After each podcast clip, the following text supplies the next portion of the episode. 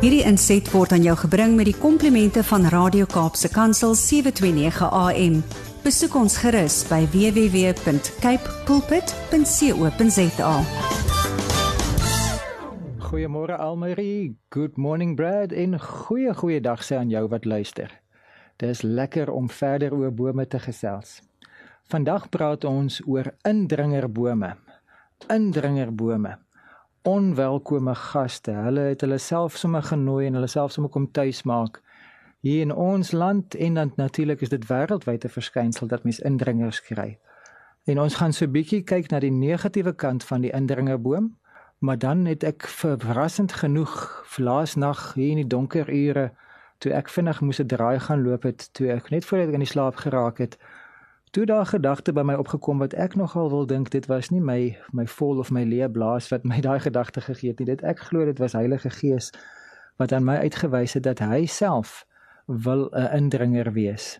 Maar soos wat ek dan nou later in ons gesprek gaan uitwys, hy is nie soos 'n SWAT team wat net kom en die deure afslaan en net kom oorvat nie. Hy hy's 'n geslepe insluiperaar.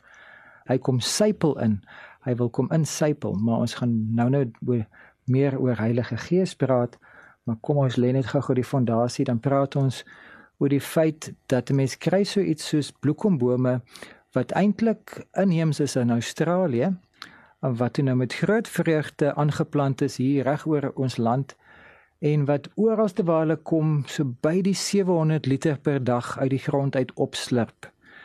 Nou in party dele van die wêreld en in selfs in party dele van ons land is dit nie 'n probleem nie. Daar is genoeg en selfs meer as genoeg water om daai bloekomboom se se dorstigheid sit sy dorste les, maar daar is ook baie plekke waar daai 700 liter eintlik ver moes gegaan het om sommer 'n hele klomp ander bome en struike en gewasse uh, eintlik hulle regverdige deel te gee. En nou hier kom hierdie dorstige indringer uit die buiteland uit en hy kom drink al ons plaaslike water op as as die bome xenofobie gehad het sou van die ander plaaslike bome sou daai ehm um, bloekombome sommer weggejaag het in die see in. En uh, nou is daar mense, natuurbewaarders en mense met goeie bedoelings wat nou besef, maar jy kan nie hierdie bloekombome sommer net so laat gedei nie en hulle maak nou nogal eh, 'n uh, concert, concerted effort. Hulle maak nou nogal 'n punt daarvan om hierdie bloekombome uit te haal. Soveel so dat daar in sekere dele van ons land die beieboere wat met heuning boer 'n probleem het want die bloekombome se bloeisels is 'n groot bron van nektar vir die beie en daar is nie genoeg ander uh, bronne van um, styfmeel en van nektar vir die beie nie. Nou gaan die arme beie honger en dors en nou is daar tekort aan heuning want die van die bloekombome is nie daar nie. So in 'n goeie bedoeling het mense nou inadvertently on met onbedagte rade het hulle nie met voorbedagte rade nie het hulle nou ongeluk 'n krisis veroorsaak vir die vir die beieboere. So mens moet maar altyd wanneer jy een ding uitkap, moet dit moet vervang met iets anders en gewoonlik is die plaaslike ding maar die beste keuse. Nou daar's natuurlik 'n veelvoud van spesies wat indringerbome is. Party is groter probleme as ander en uh, ander van hulle is nie eens regtig so groot probleem nie maar onder andere is die tweede grootste indringerboom nie groot in terme van sy hoogte bo bo die grond nie maar in aantal bome in ons land is wat aan die aan die volksmond bekend staan as die muskietboom.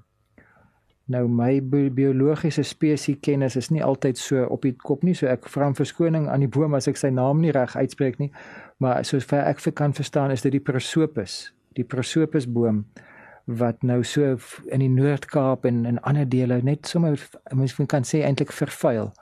Geel blommetjies wat die wêreld vol is en hulle hulle verdring al wat leef en beef en vat al die inheemse bome se water en se spasie en groei vinniger en maak net eintlik net 'n oorlas van hulle self. Maar toe is daar nou 'n paar boere en manne in die in die platte land wat begin dink if you can't beat them join them maar nou gaan hulle nie die muskietboom bende aansluit nie. Hulle besluit toe hulle moet 'n goeie gebruik vind vir hierdie boom. En hulle toe nou nogal so waar agtergekom dat hierdie boom wat seker peule maak, die die die peulsade wat die boom dan nou verstrooi. As jy daai peule nou optel en jy rooster hulle soos wat mense koffiebone rooster en jy jy doen dit met die regte bone op die regte tyd en jy doen dit op die regte manier dan is die geroosterde bone kan dan nou nog 'n aangename plaasvervanger wees vir koffiebone en Manna Brew is nou nogal 'n 'n produk. Dit is nou nogal hierdie is nou 'n uh, 'n uh, advertensie. Ek is nou bewus daarvan dat ek nou hierso handelsnaam gebruik, maar ek dink dis die moeite werd om hierdie Manna Brew ouens bietjie te ondersoek. As jy die produk op die rak sien, ek is baie nuuskierig om te proe hoe proe hierdie hierdie muskietboom se peel boon koffie want hulle sê dit is regtig nogal lekker. Hy hy, hy het amper soet van 'n bietjie van 'n soet geur en hulle sê dit kan nogal die ding doen in die plek van koffie. En nou die voordeel is as jy nou hierdie peule almal omskakel in koffie in dan kan die boom nie meer so aanwas nie dan kan hy nie soveel vervuil nie. So dis nou 'n wen-wen situasie want jy kan die produk gebruik en jy keer die aanwas van hierdie indringerboom so manna brew is dan nou iets om te oorweeg Nou hierdie bome het natuurlik nie oornag oorgevat nie en hulle selfs daar waar hulle oorgevat het, het dit nie net binne 'n week of 'n maand gebeur nie. Dit het maande gevat en dan nou jare vir daai bome om was om te bereik. Maar toe het hulle hulle self goed van hulle taak gekwyt en hulle het grondgebied ingeneem. Nou as daar om nou 'n bietjie ratte te verwissel, as daar 'n gijselaarsdrama is. Ek dink jare terug in Silverton was daar 'n volkskasbank wat deur terroriste ingeneem is. Dan wil jy hoogs opgeleide polisiemanne hê wat met taktiese ehm um, wapens en met baie slim strategie dan nou inkom en met stunt grenades en met die nodige geweld maar sonder om enigiemand onnodiglik in gevaar te stel, moet hulle dan vinnig beheer oorneem van die situasie. So hulle moet instorm, deure afskop en dan nou oorvat.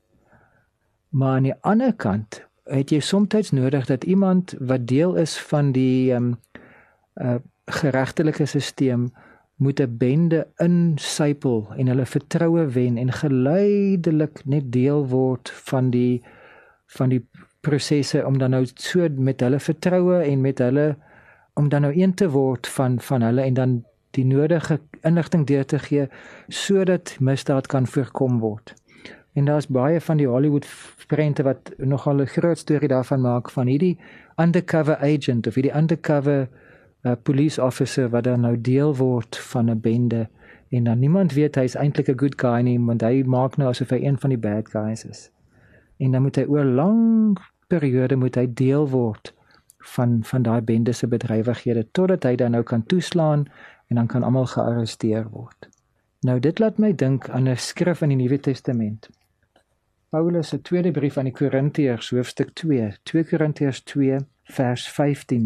Begin lees by vers 14 in die direkte vertaling, 2 Korintiërs 2:14. Maar dank aan God wat ons altyd deur Christus in sy triomftog meevoer en die geur van sy kennis op elke plek deur ons versprei. Want ons is 'n aangename geur van Christus aan God vir die wat verlos word en vir die wat verlore gaan vir laasgenoemde 'n reuk vanuit die dood tot die dood. Vir eersgenoemde 'n geur vanuit die lewe tot die lewe. 'n aangename geur. Nou ek het my al my fair share van lekker ryk maar ook van stink in die lewe gehad letterlik en figuurlik. En een van die ergste stinke wat ek gehad het was tydens lockdown wat ek 'n komposhoop toegelaat het om 'n bietjie te gis en in die klomp stikstof het, het, het en metaangas het toe ongelukkig opgebou en toe ek daai komposhoop toe nou oop grawe en daai gasse kom vry toe het my buurman oor die muur geloer want hy dog daar's 'n drein wat 'n riool wat wat verstop is. En dit was ek moes groot aan verskoning vra want ek het letterlik die buurt uitgestink op daai stadium en dit was dit was nie my bedoeling nie. Nou in plaas van die reuk van kraalmis of van kompos is 'n baie lekkerder geur. As ek nou terugdink aan daai manna brew se produk is gemaalde koffie, vars gemaalde koffiebone of dan koffiebone wat nou net begin lekker prut. 'n Lekker koppie koffie ruik nog amper lekkerder as wat hy proe en hy proe al klaar so lekker. Nou die intensiteit van die reuk en dan die die karakter van die reuk maak dat dit dan of aantreklik is of afstootlik.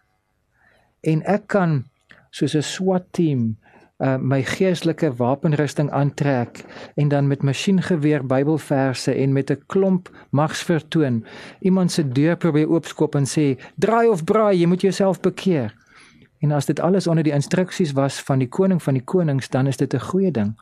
Maar as dit net in my eie ywer sonder liefde en sonder wysheid is, dan is ek eintlik besig om mense af te sit.